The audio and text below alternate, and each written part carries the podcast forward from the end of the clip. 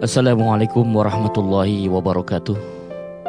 Sahabat Ras FM di mana pun Anda berada Senang sekali saya dapat menjumpai Anda kembali di dalam acara SDS Sahabat dan Solusi Insya Allah hari ini kita bisa lebih baik dibandingkan kemarin Dan hari esok lebih baik dibandingkan hari ini. Our today is better than yesterday And tomorrow will be better than today Sahabat Ras FM, kita masih membahas kajian tentang menjadi manusia pilihan Allah yang tentu saja akan membawa kita kepada suatu kebahagiaan sepanjang masa. Dan materi ini kami hadirkan agar kita tidak terjebak menjadi orang-orang yang sekedar manusia pilihan manusia lain yang tentu saja akan mendatangkan sebuah kekecewaan yang panjang bagi diri kita dalam kehidupan ini baik di dunia maupun di akhirat. Dan kita sudah bahas lima nilai-nilai atau lima value yang penting di dalam manusia pilihan Allah Subhanahu wa taala. Yang pertama adalah ikhlas, kemudian yang kedua adalah pasrah, kemudian ketiga adalah mandiri, keempat adalah bersih, dan yang kelima adalah tangguh. Hari ini kita akan menyelesaikan poin yang keenam yaitu salah satu ciri manusia pilihan Allah adalah mereka orang-orang yang ulet. Ada satu ungkapan menarik yang perlu kita renungkan dalam-dalam. Saya sering menyebutkan di dalam berbagai kesempatan apakah itu ceramah ataupun pelatihan atau workshop. Saya katakan bahwa seorang pemenang adalah orang yang bisa mengalahkan lawan-lawannya dalam sebuah pertandingan. Berbeda dengan seorang juara. Seorang juara bukan sekedar memenangkan sebuah pertandingan. Bukan sekedar mengalahkan musuh-musuhnya. Bukan sekedar mengalahkan lawan-lawannya. Bukan sekedar mengalahkan kompetitor-kompetitornya. Tapi seorang juara sejati adalah mereka yang selalu bangkit dari setiap kegagalan. The real champion is not just winning the competition, but everyone who can stand up for every failure. Seorang juara sejati bukan sekedar memenangkan sebuah pertandingan, tapi seorang juara sejati, dia adalah orang yang selalu bangkit dari setiap kegagalan. Sahabat RSFM tentu saja jelas berbeda antara winner dan champion. Seorang champion sudah pasti dia adalah pemenang. Tetapi seorang pemenang belum tentu dia adalah seorang juara. Untuk bisa membuktikan apakah orang itu juara atau tidak, maka perjalanan waktu dalam kehidupan dirinya akan membuktikan bagaimana dia menjalani proses kehidupannya dan yang tidak kalah penting adalah bagaimana dia mengakhiri hidupnya. Sahabat Rasa FM, ada orang yang mengamali, mengawali hidupnya dengan kebaikan, kemudian menjalani kehidupannya juga dengan kebaikan. Tapi maaf, dia mengakhiri kehidupannya dengan sebuah keburukan. Ada orang yang mengawali dengan sebuah prestasi yang baik, begitupun menjalani prosesnya pun dengan prestasi, tetapi pada saat dia mengakhiri hayatnya tidak dengan prestasi kita tentunya ingin menjadi orang-orang yang awalnya baik, prosesnya baik, dan ujungnya pun baik. Itulah yang disebut dengan champion. Mungkin dalam proses itu dia menghadapi berbagai macam tekanan, ancaman, hambatan atau gangguan, baik yang datang dari dalam ataupun dari luar, internal dan eksternal. Tetapi tidak membuat dirinya untuk selalu bangkit dan bangkit dan di saat kebangkitan itulah dia menghadap Allah Subhanahu wa taala. Para sahabat Trans FM, ada satu perbedaan yang menonjol antara seorang winner dan seorang champion. Dan kita akan coba bahas ini satu persatu. Sahabat Trans FM, kalau kita berbicara tentang pemenang, maka yang ada dalam pikirannya adalah mengalahkan orang lain, mengalahkan pihak lain. Kalau dalam permainan sepak bola, gimana caranya kita bisa mengalahkan kesebelasan lawan? Kalau perlu dengan angka yang telak. Kalau kita berbicara perusahaan, bagaimana kita bisa mengalahkan pesaing-pesaing kompetitor-kompetitor kita? Kalau kita bicara dalam pendidikan, bagaimana kita bisa mengalahkan guru atau dosen-dosen yang lain? Dalam konteks dakwah, bagaimana kita bisa menjatuhkan, menjelekkan kelompok-kelompok lain atau pemimpin-pemimpin lain? Memang dia menjadi dia memang dia menang, tapi kemenangan yang diperoleh itu dengan cara membangun suatu pemikiran bagaimana caranya mengalahkan pihak lain. Sedangkan champion tidak demikian. Sahabat RSFM, seorang champion bukan menghabiskan energinya untuk berpikir bagaimana mengalahkan pihak lain. Tapi yang dia lakukan adalah bagaimana mengalahkan ego di dalam dirinya. Bagaimana mengalahkan kesombongan di dalam dirinya. Bagaimana mengalahkan kemalasan di dalam dirinya. Bagaimana mengalahkan ketakutan di dalam dirinya. Karena ini tentu saja jauh-jauh lebih sulit, lebih susah dibandingkan hanya sekedar mengalahkan orang lain. The most enemy is yourself. Musuh terbesar dalam hidup Anda adalah diri Anda sendiri.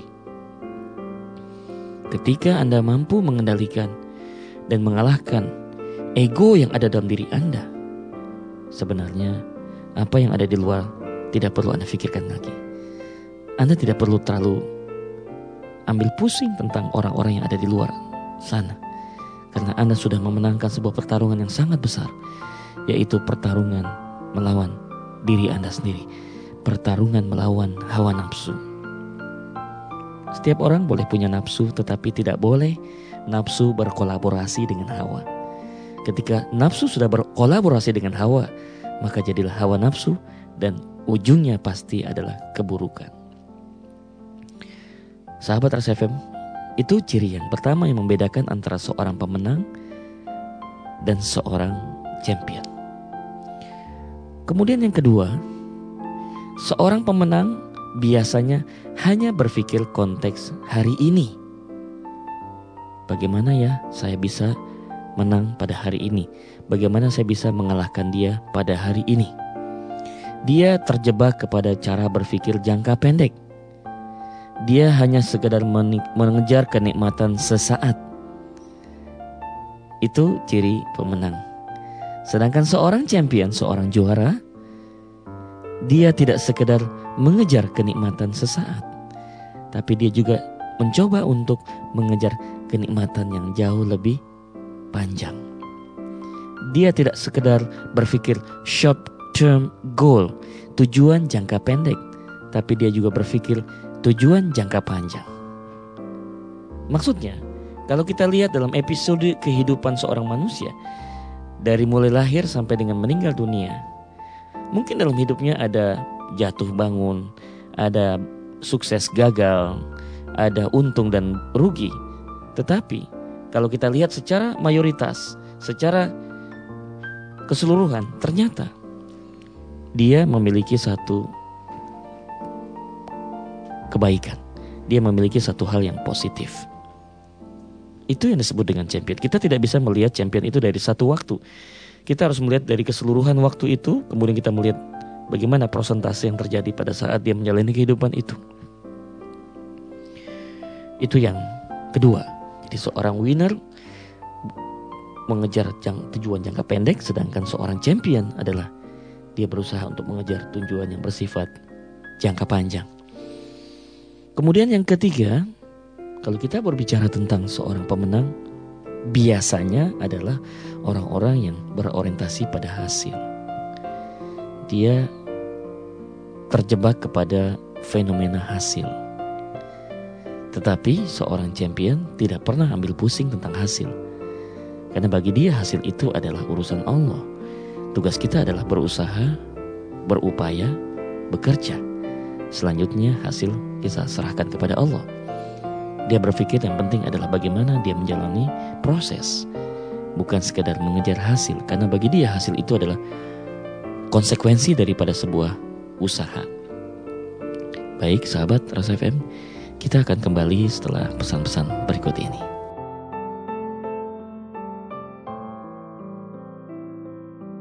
Sahabat Rasa FM, kita masih di dalam pembahasan tentang menjadi manusia pilihan Allah dalam program SDS Sahabat dan Solusi.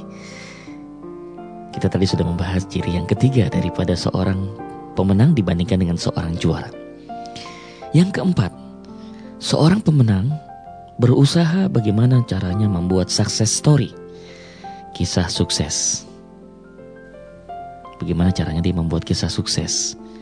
Dia menjadi orang yang populer dengan keberhasilannya.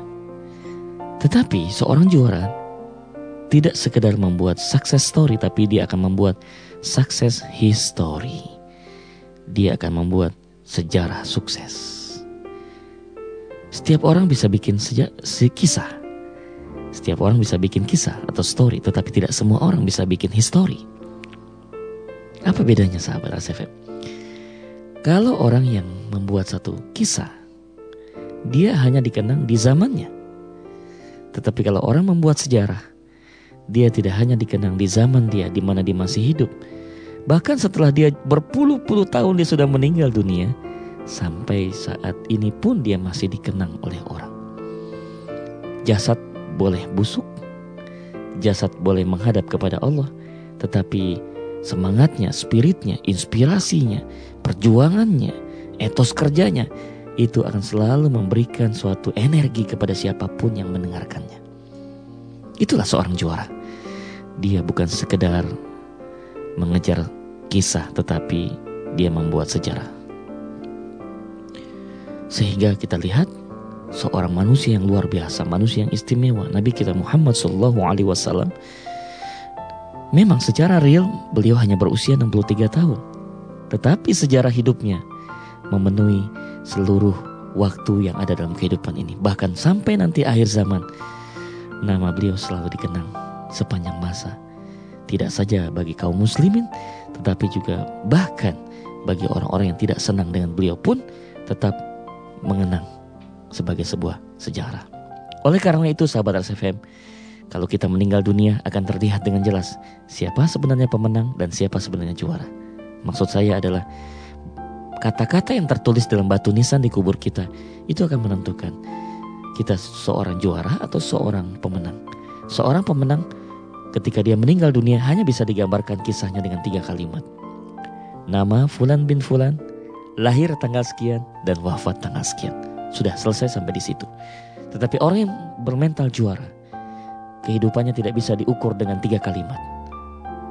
Bahkan beratus-ratus kalimat pun tidak bisa untuk menggambarkan sepak terjangnya, prestasi-prestasi yang dilakukan oleh dia selama dia masih hidup. Saya teringat satu pepatah Minang yang cukup bagus. Sederhana tetapi memberikan kesan yang mendalam buat buat saya. Orang-orang Minang berprinsip di mana bumi dipijak, di situlah lang langit dijunjung.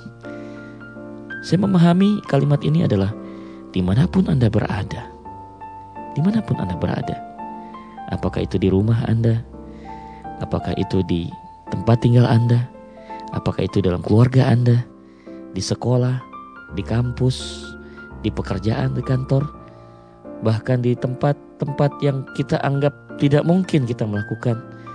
Kebaikan, kita memberikan suatu sejarah. Berikan satu sejarah di mana pun kita berada. Karena kebaikan itu akan memberikan satu penularan kepada yang lain. Kalau kita berada satu tempat, umpama Anda sebagai seorang pegawai atau karyawan, Anda keluar dari perusahaan itu dalam kondisi dalam kondisi yang jelek, maka ketika Anda masuk perusahaan lain, maka kondita itu Anda itu akan sampai juga, tercium juga kepada perusahaan yang berikutnya. Maka Anda tidak akan mudah diterima di pekerjaan yang selanjutnya. Tetapi kalau Anda memiliki satu kredibilitas yang bagus, meninggalkan satu sejarah yang mengesankan buat orang yang pernah Anda tinggalkan, maka di mana pun Anda berada, maka Anda akan direferensikan, Anda akan direkomendasikan oleh orang yang mempunyai kesan yang mendalam terhadap Anda. Jadi jangan pernah meninggalkan satu kesan yang buruk, tinggalkanlah selalu kesan yang baik. Bukan hanya di awal pertemuan tetapi juga di akhir perjumpaan kita selalu memberikan satu kesan yang baik. Sahabat Res FM, satu lagi saya mau tambahkan, seorang pemenang dia berpikirnya satu arah, one direction. Sehingga cara pandangnya pun sangat sempit. Dia tidak memberikan ruang-ruang yang lain. Tapi beda dengan seorang juara. Seorang juara itu cara pandangnya adalah multi direction. Banyak arah. Ketika dia melihat satu persoalan, ketika dia melihat sebuah kejadian, ketika dia melihat sebuah fenomena atau peristiwa, dia tidak memandang dengan satu arah. Dia melihat tidak hanya dari arah depan, tapi dia juga melihat dari belakang, dari kanan, dari kiri, bahkan dari atas dan bawah. Kalau kita melihat dari berbagai sisi, berbagai arah, maka kita mempunyai satu gambaran yang benar dan utuh tentang apa yang kita lihat. Karena boleh jadi, boleh jadi apa yang kita lihat dari depan itu jelek, tapi yang kita lihat dari belakang itu bagus. Boleh jadi kita melihat dari kanan itu bagus, tapi ternyata dari kiri tidak bagus. Atau kita melihat dari bawah bagus, ternyata dari atas tidak bagus. Maka kita perlu melihat dari berbagai macam arah. Sehingga akibatnya kalau kita memiliki cara berpikir multi direction, banyak arah, maka orang-orang yang juara ini biasanya kreatif. Dia bukan orang-orang yang pasif. Dia bukan orang-orang yang statis, tetapi orang-orang yang kreatif. Penuh dengan gagasan, penuh dengan ide, penuh dengan solusi-solusi. Apa pun masalah yang menimpa dia, dia selalu melihat dari berbagai macam arah. Sehingga dia selalu punya ide, dia selalu punya gagasan, dia selalu punya alternatif untuk menghadapi persoalan. Sahabat RCFM, dengan lima ciri ini kita akan bisa membuktikan bahwa ternyata memang jelas perbedaan antara seorang pemenang dengan seorang juara. Pertanyaan yang penting adalah berikutnya, sahabat SFM, bagaimana caranya kita bisa menjadi seorang juara? Untuk bisa menjadi seorang juara, Anda membutuhkan satu modal. Anda membutuhkan satu aset. Berupa nilai, bukan berupa kapital, bukan berupa rupiah, bukan berupa fasilitas, bukan berupa privilege, keistimewaan, tetapi dia berupa nilai Nilai apa yang harus dibangun dan ditumbuhkan di dalam diri kita sehingga kita menjadi orang-orang yang bermental juara. Karena orang yang bermental juara di mana pun dia ditaruh, di mana pun dia diletakkan, dia akan selalu bisa survive. Nilai yang saya maksud adalah ulet. Ulet. Ulet dalam bahasa Inggris disebut dengan tough. Orang yang tidak pernah mudah menyerah ulet. Dengan ulet keuletan yang dia miliki ini, dia selalu punya cara untuk bisa keluar dari satu kesulitan. Dia selalu punya solusi terhadap segala macam krisis yang menimpa dirinya. Dia tidak pernah kehilangan energi optimisnya. Dia tidak pernah pesimis. Dia selalu punya stok harapan yang cukup besar dibandingkan rasa ketakutan dia terhadap masa depan. Sehingga orang-orang semacam ini dia hidup di zaman apa pun tidak akan pernah kecewa, tidak akan pernah sedih dan tidak pernah berduka. Dia akan selalu gembira dan dia merasa bahwa hidup itu sangat indah. Life is so beautiful. Hidup itu sangat indah dan cantik. Kenapa? Karena dia ulet. Nah sekarang apa yang kita pahami dari sebuah keuletan itu? Sahabat RSFM, anda pernah melihat sepotong daging? Bagaimana cara Anda memotong daging? Ketika Anda memotong daging, tidak mengikuti urat daripada daging itu. Sesuai dengan sifat daging itu kan kenyal dan liat. Sehingga pisau setajam apa pun akan sulit untuk untuk memotong atau mengiris daging. Tapi kalau Anda tahu urat daripada daging itu, maka Anda bisa memotong itu dengan mudah. Bahkan tidak perlu dengan tenaga yang besar. Sahabat RSFM, begitulah perumpamaan orang yang ulet. orang yang ulet itu dipukul, dihina, dicela, diintimidasi, dia tetap lihat, dia tetap kenyal, tidak mudah terbanting, tidak mudah terprovokasi, tidak mudah terpengaruh atau terjebak. Bagaikan sepotong daging. Dari mana pun, dia selalu bisa menunjukkan ketegarannya. Sahabat RSFM, sekarang kita masuk kepada bagaimana caranya kita bisa menerapkan keuletan itu di dalam kehidupan. Apa yang diperlukan oleh kita agar keuletan itu bisa kita terapkan. Kita akan jelaskan setelah pesan-pesan berikut ini.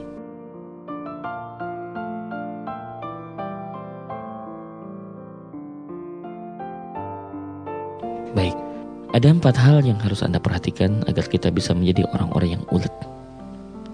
Yang pertama adalah kita harus memiliki satu pengetahuan ilmu, knowledge. Bagaimana kita bisa menghadapi satu masalah sementara kita tidak punya pengetahuan terhadap masalah itu. Kita tidak punya satu ilmu tentang masalah itu. Karena saya yakin kalau orang memiliki ilmu tentang masalah sehingga dia bisa menguasai masalah, bukan dikuasai oleh masalah. Saya ambil contoh yang paling gampang. Kenapa seorang anak SD tidak bisa lulus dalam ujian dengan materi anak SMA? Ya wajar, karena dia masih SD.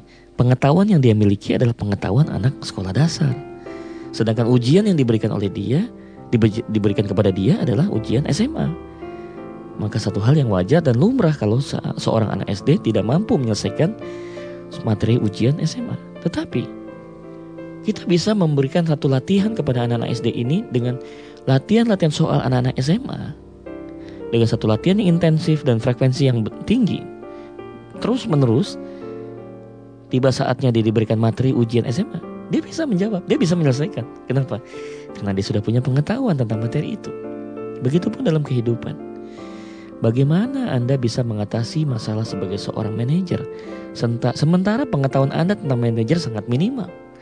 Bagaimana Anda bisa menyelesaikan masalah Anda sebagai seorang direktur ketika Anda tidak punya pengetahuan tentang jabatan Anda? Dan saya membayangkan bagaimana seorang presiden bisa mengatasi masalah bangsa kalau dia tidak punya pengetahuan yang sangat dalam tentang bangsa itu sendiri.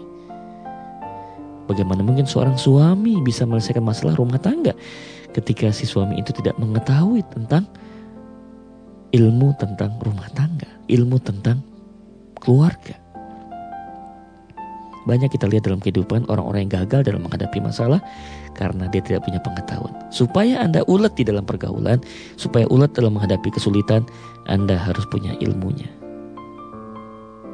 Dan ilmu dari semua itu adalah ilmu Allah, ilmu Allah. Sebab yang memberikan masalah adalah Allah. Maka kalau kita tidak kenal yang memberikan masalah, maka jangan harap kita bisa mendapatkan satu solusi. Kenalilah Allah. Karena Allah yang memberikan masalah itu pada kita. Kalau kita kenal Allah, maka kita tahu cara berpikirnya Allah, cara bekerjanya Allah, cara bertindaknya Allah, sehingga kita bisa lebih positif dalam menilai itu semua. Itu yang pertama. Anda harus punya pengetahuan dalam menghadapi masalah. Kemudian yang kedua sahabat RSFM adalah tidak cukup dengan ilmu. Banyak orang juga punya ilmu. Banyak seorang pakar, banyak profesor, ya, expert, ya, orang yang memiliki kompetensi yang sangat luar biasa, tapi mereka gagal dalam menghadapi kehidupan. Kenapa? Karena dia tidak memiliki satu tuntunan. Walaupun mata kita terbelalak, walaupun mata kita melotot, tetapi kalau kita berada dalam satu ruangan yang gelap, percuma kita tidak bisa melihat apa-apa. Orang yang berilmu tapi tanpa cahaya, maka dia tidak bisa berbuat apa-apa. Orang yang ulet tidak bisa mengenalkan sekedar pengetahuan dan ilmu, tapi dia membutuhkan cahaya. Dia membutuhkan sinar. Dengan cahaya itulah dia bisa melihat mana yang harus dia hindari, mana yang harus dia ikuti. Yang saya maksud dengan cahaya itu adalah Al-Quranul Karim. Karena nama lain Al-Quran adalah cahaya. Maka barang siapa yang berinteraksi secara intensif dengan Quran, maka dia akan mendapatkan dampak cahaya itu. Yang dengan cahaya ini dia bisa melihat hidupnya tidak lagi spekulatif, hidupnya tidak lagi tebak-tebakan. Semua itu dilakukan dengan kepastian. Karena dia mendapatkan bimbingan dari cahaya itu. Apa yang disebut di dalam salah satu istilah ma'alim fitorik. Dia mendapatkan rambu-rambu di dalam kehidupan. Saya sedang membayangkan gini sahabat sahabat. Anda mengendarai mobil di dalam sebuah jal di di jalanan ya. Anda mengendarai mobil di jalanan tetapi jalanan itu tidak ada rambu sama sekali. Tidak ada traffic light, tidak ada tanda berhenti, tidak ada tanda parkir, tidak ada tanda hati-hati, tidak ada tanda tikungan dan segala macam polos, jalanan yang polos tidak ada rambu-rambu, bahkan tidak ada polisi. Apa yang Anda bayangkan pada saat itu? Saya membayangkan situasi lalu lintas pasti akan kacau balau. Semua orang tidak ingin menunggu, semua ingin berebutan untuk mendapatkan kesempatan lebih dulu. Tidak ada yang mau ngalah. Semua ingin lebih cepat, semua ingin lebih cepat sampai, semua ingin segera. Sementara tidak ada petunjuk. Semua orang ingin parkir di di mana pun dia suka. Semua orang berhenti di mana pun dia mau. Coba anda bayangkan. Kacau, kacau. Walaupun anda pandai mengemudikan mobil tidak cukup. Anda butuhkan rambu. Begitupun dalam kehidupan.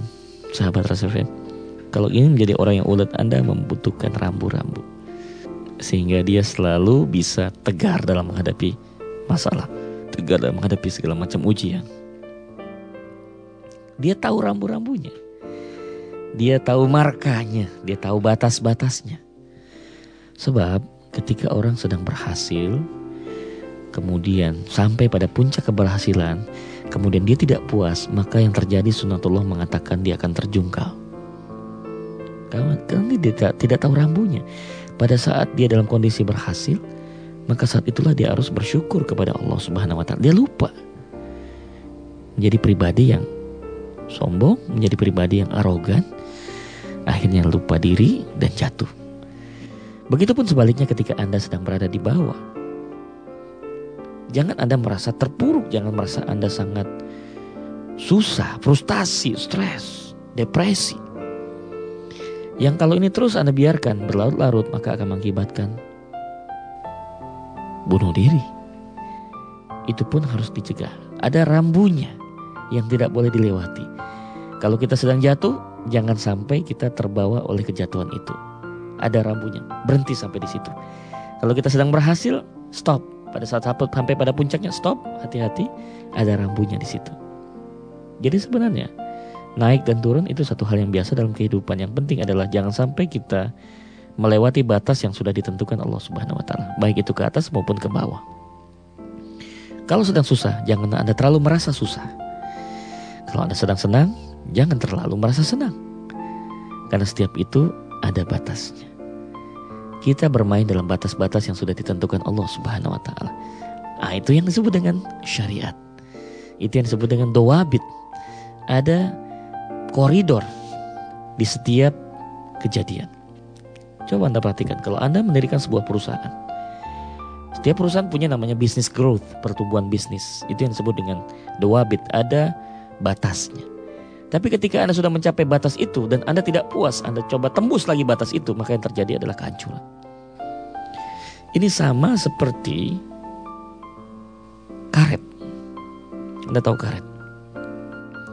Karet itu punya daya elastisitas, punya daya lentur. Coba Anda tarik karet ini pada pada tarikan yang sejauh mungkin nanti akan ada satu titik di mana karet itu akan putus. Itulah gambaran tentang sebuah keuletan. Jangan kita melewati batas elastisitas. Ketika sudah melewati batas elastisitas, elastisitas itu, maka kita akan hancur. Sejarah membuktikan, sahabat, Fir'aun dengan segala kesombongannya dia melewati batas hancur. Namrud sampai dengan kita lihat kondisi bangsa-bangsa ini. Saya pernah baca buku yang berjudul Diktator, ada 10 diktator kelas dunia. Disebutkan di situ ada yang namanya Joseph Broz Tito, ada yang namanya Adolf Hitler, ada yang namanya Mussolini. Mereka orang-orang yang menganggap dirinya itu hebat dan mereka tidak puas dengan kehebatannya, dia tembus sampai akhirnya melewati batas dan mereka hanya terjungkal. Kita juga menemukan orang-orang yang sangat terpuruk dan dengan keterpurukan ini membuat mereka itu menjadi frustasi dan banyak yang bunuh diri. Sekarang orang-orang yang bunuh diri itu tidak sedikit. Persentasenya semakin meningkat. Tidak siap menghadapi kesulitan hidup. Jadi kembali lagi bahwa seorang yang mulat itu caranya adalah bagaimana kita mempunyai pengetahuan, kemudian kedua harus punya cahaya. Kita masih menyisakan dua lagi. Kita akan sambung setelah pesan-pesan berikut ini.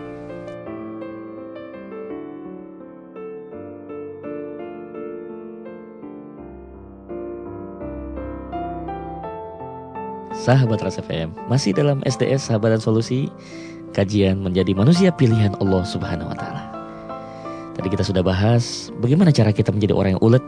Anda harus punya pengetahuan tentang masalah yang Anda hadapi. Kemudian yang kedua, Anda harus punya cahaya, punya rambu-rambu. Yang cahaya dimaksud oleh saya di situ adalah Al-Qur'an. Hiduplah bersama Quran. Pernah Sayyidina Aisyah ditanya tentang Rasulullah. Ya Aisyah, bagaimana akhlak Rasulullah?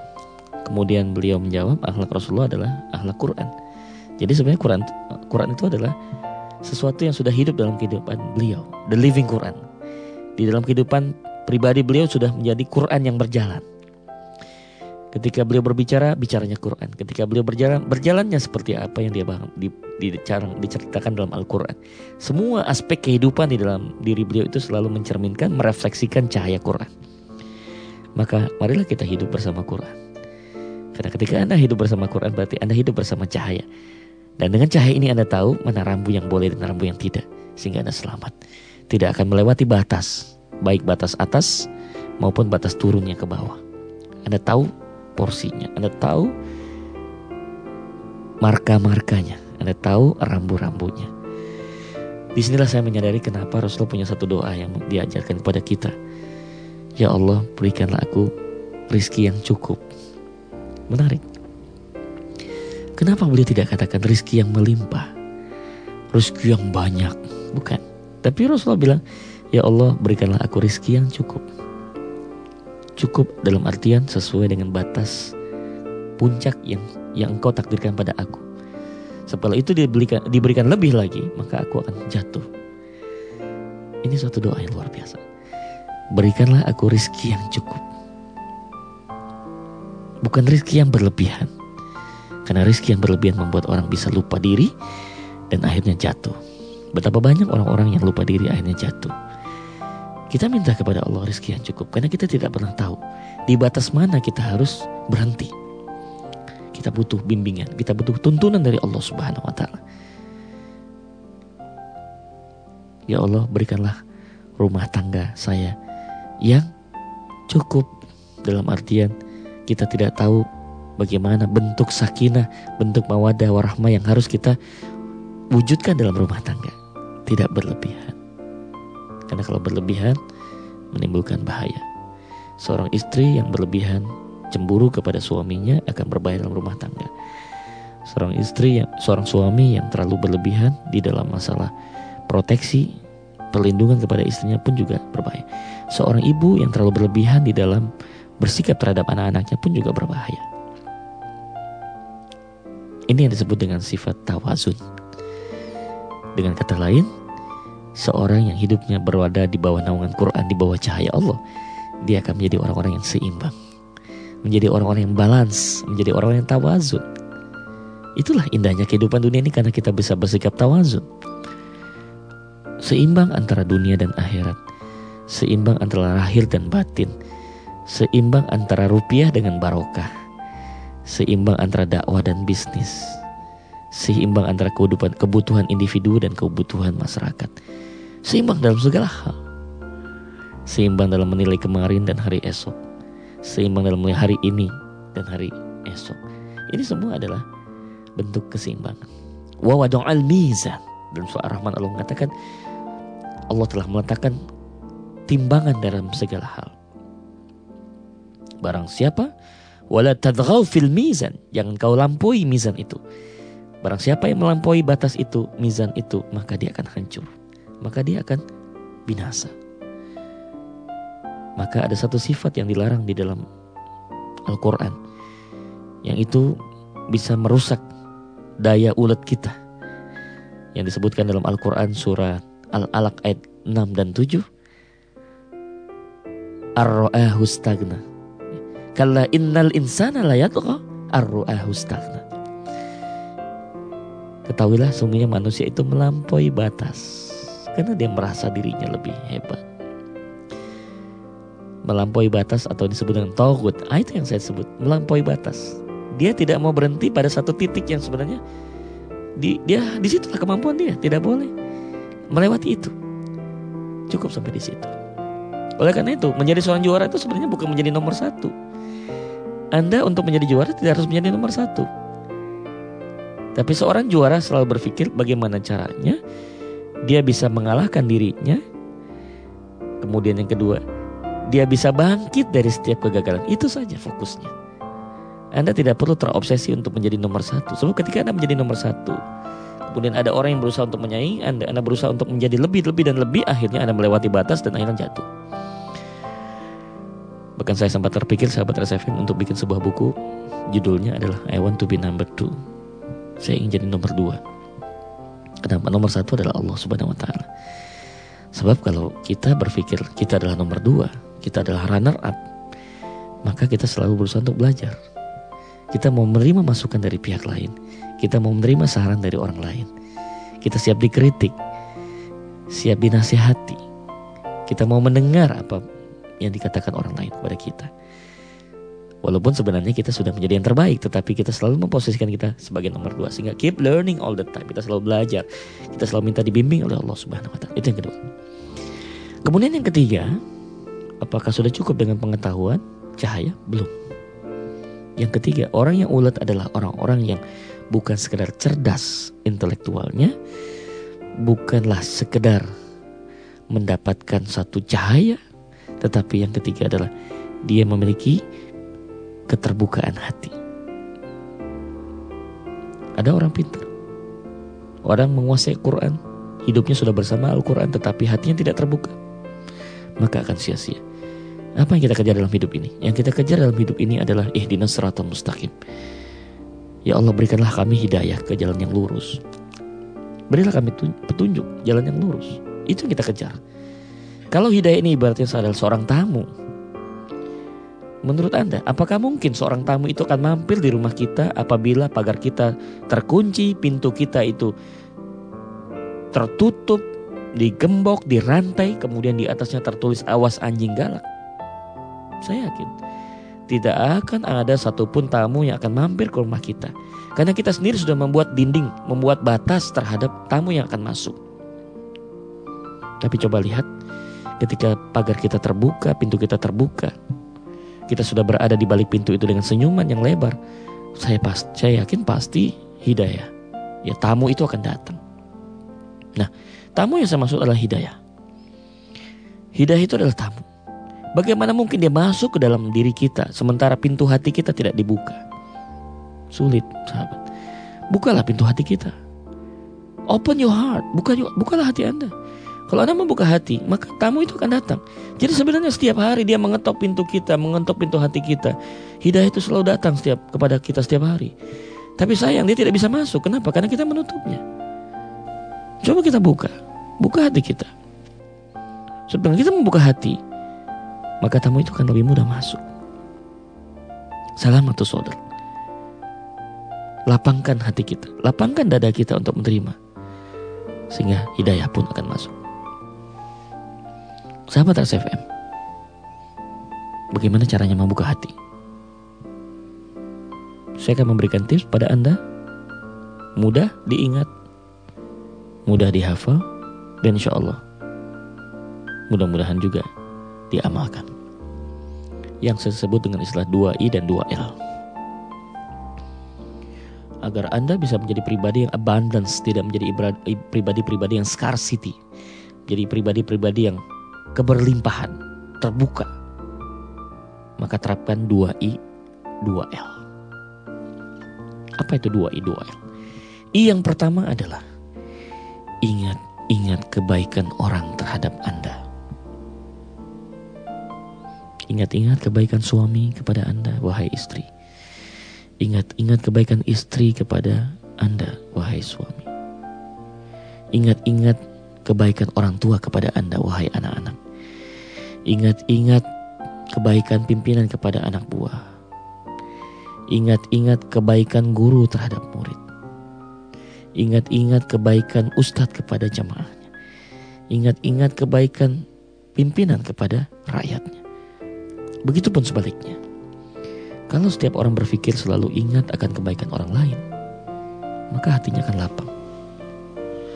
Dia tidak akan dengan mudah bersikap negatif terhadap orang yang diajak bicara. Karena dia selalu menemukan ada kebaikan di dalam orang yang berbicara dengan dia. Baik sahabat SFM, kita akan sambung lagi setelah ini.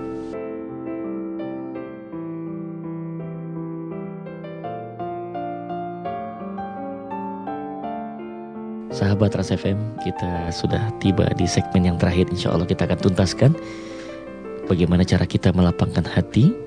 Kita sudah bahas yang pertama tadi, yaitu ingat-ingat kebaikan orang terhadap kita. Yang kedua inya adalah ingat-ingat kesalahan kita kepada orang lain. Ketahuilah, begitu banyak kesalahan kita pada orang lain. Jangan Anda terlalu berpikir tentang kebaikan Anda. Kalau kita berpikir tentang diri kita, ingatlah kesalahan kita. Begitu banyak kita punya salah, kita punya andil kesalahan terhadap orang tua kita, ayah ibu kita, terhadap kakak dan adik kita, terhadap suami atau terhadap istri, terhadap guru, terhadap siapa pun yang pernah berhubungan dengan kita. Kita pernah berbuat salah. Itu yang kedua. Kalau Anda selalu ingat kesalahan Anda, maka Anda tidak akan menjatuhkan kesalahan itu pada orang lain. Tidak akan terlalu mudah menuduh dan curiga kepada orang lain. Kenapa? Boleh jadi kita yang salah. Yang ketiga adalah dua L yang pertama adalah L yang pertama adalah lupakan kebaikan Anda kepada orang lain. Jangan pernah sebut-sebut kebaikan kita pada orang lain. Seolah-olah kita menuntut kembali, kita menuntut umpan balik. Kenapa Anda lupa sama saya? Saya kan dulu pernah mendidik Anda sehingga menjadi sukses. Kenapa Anda tidak tidak ingat sama saya? Atau misalnya bayangkan kalau seorang guru sudah berpikir seperti itu, dia kecewa melihat muridnya yang sudah sukses lupa pada dirinya. Bayangkan kalau seorang ibu kecewa melihat anaknya setelah sukses lupa kepada jerih payah ibunya. Saya tidak pernah menemukan seorang ibu yang setelah mendidik anaknya menjadi sukses kemudian dia meminta bayaran terhadap apa yang dididik. Tidak. Yakinlah bahwa apa yang kita perbuat itu ada ada balasan dan ganjaran di sisi Allah Subhanahu wa taala. Jangan jangan selalu kita berpikir seperti itu. Jadi lupakanlah, lupakan. Forget your kindness. Lupakan kebaikan Anda. Tapi insya Allah selalu diingat oleh malaikat, dicatat oleh Allah Subhanahu wa Ta'ala. Lupakan kebaikan Anda terhadap orang lain. Jangan kau sebut-sebut kebaikan Anda. Jangan istri merasa lebih berjasa terhadap suami. Jangan merasa suami berjasa lebih lebih berjasa pada istri. Janganlah seorang pemimpin merasa lebih berjasa dibandingkan anak buahnya. Setiap orang mempunyai kontribusi. Setiap orang punya jasa terhadap pihak lain. Jadi lebih baik kita lupakan saja kebaikan kita. Kalau tidak nanti Anda akan kecewa.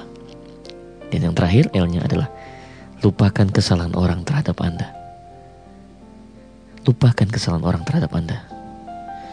Sungguh satu hal yang sangat agung dan luhur ketika beliau Nabi Muhammad SAW melaksanakan fatwa Mekah, penaklukan kota Mekah setelah beliau selama 10 tahun di Madinah, kemudian beliau kembali ke Mekah menaklukkan kota Mekah. Subhanallah.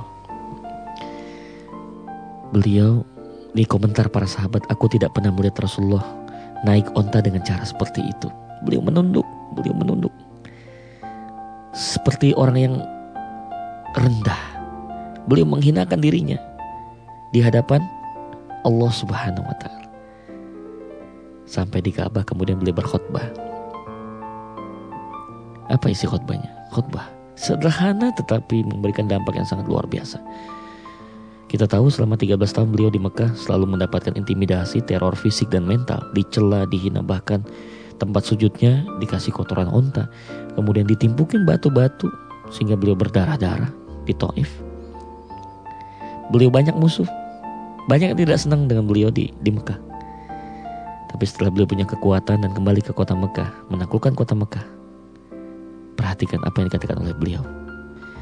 Hampir sebagian besar kaum Quraisy, orang-orang kafir yang dulu pernah memusuhi Nabi itu ketar-ketir, takut jangan-jangan Nabi balas dendam. Jangan-jangan Muhammad akan balas dendam. Dia akan dia akan melakukan pembalasan terhadap kita, revenge. Itu yang ada dalam benak pikiran mereka. Tapi coba perhatikan apa yang dikatakan oleh beliau. Dua kata saja. Dua kata yang memberikan satu kenyamanan dan ketenangan pada yang mendengarkannya. Baik musuh maupun teman. Ayuhanas antumutulako. Wahai manusia kalian semua aku bebaskan. Subhanallah. Semua orang dibebaskan. Termasuk orang yang pernah memusuhi beliau. Dibebaskan, diampuni, dimaafkan. Subhanallah. Itulah juara. Juara sejati itulah seorang Nabi Muhammad SAW. Contoh kita yang sangat luar biasa. Mungkin kita berpikir sungguh ending yang tidak begitu bagus. Kalau ibarat film ini ending yang gak bagus. Tidak.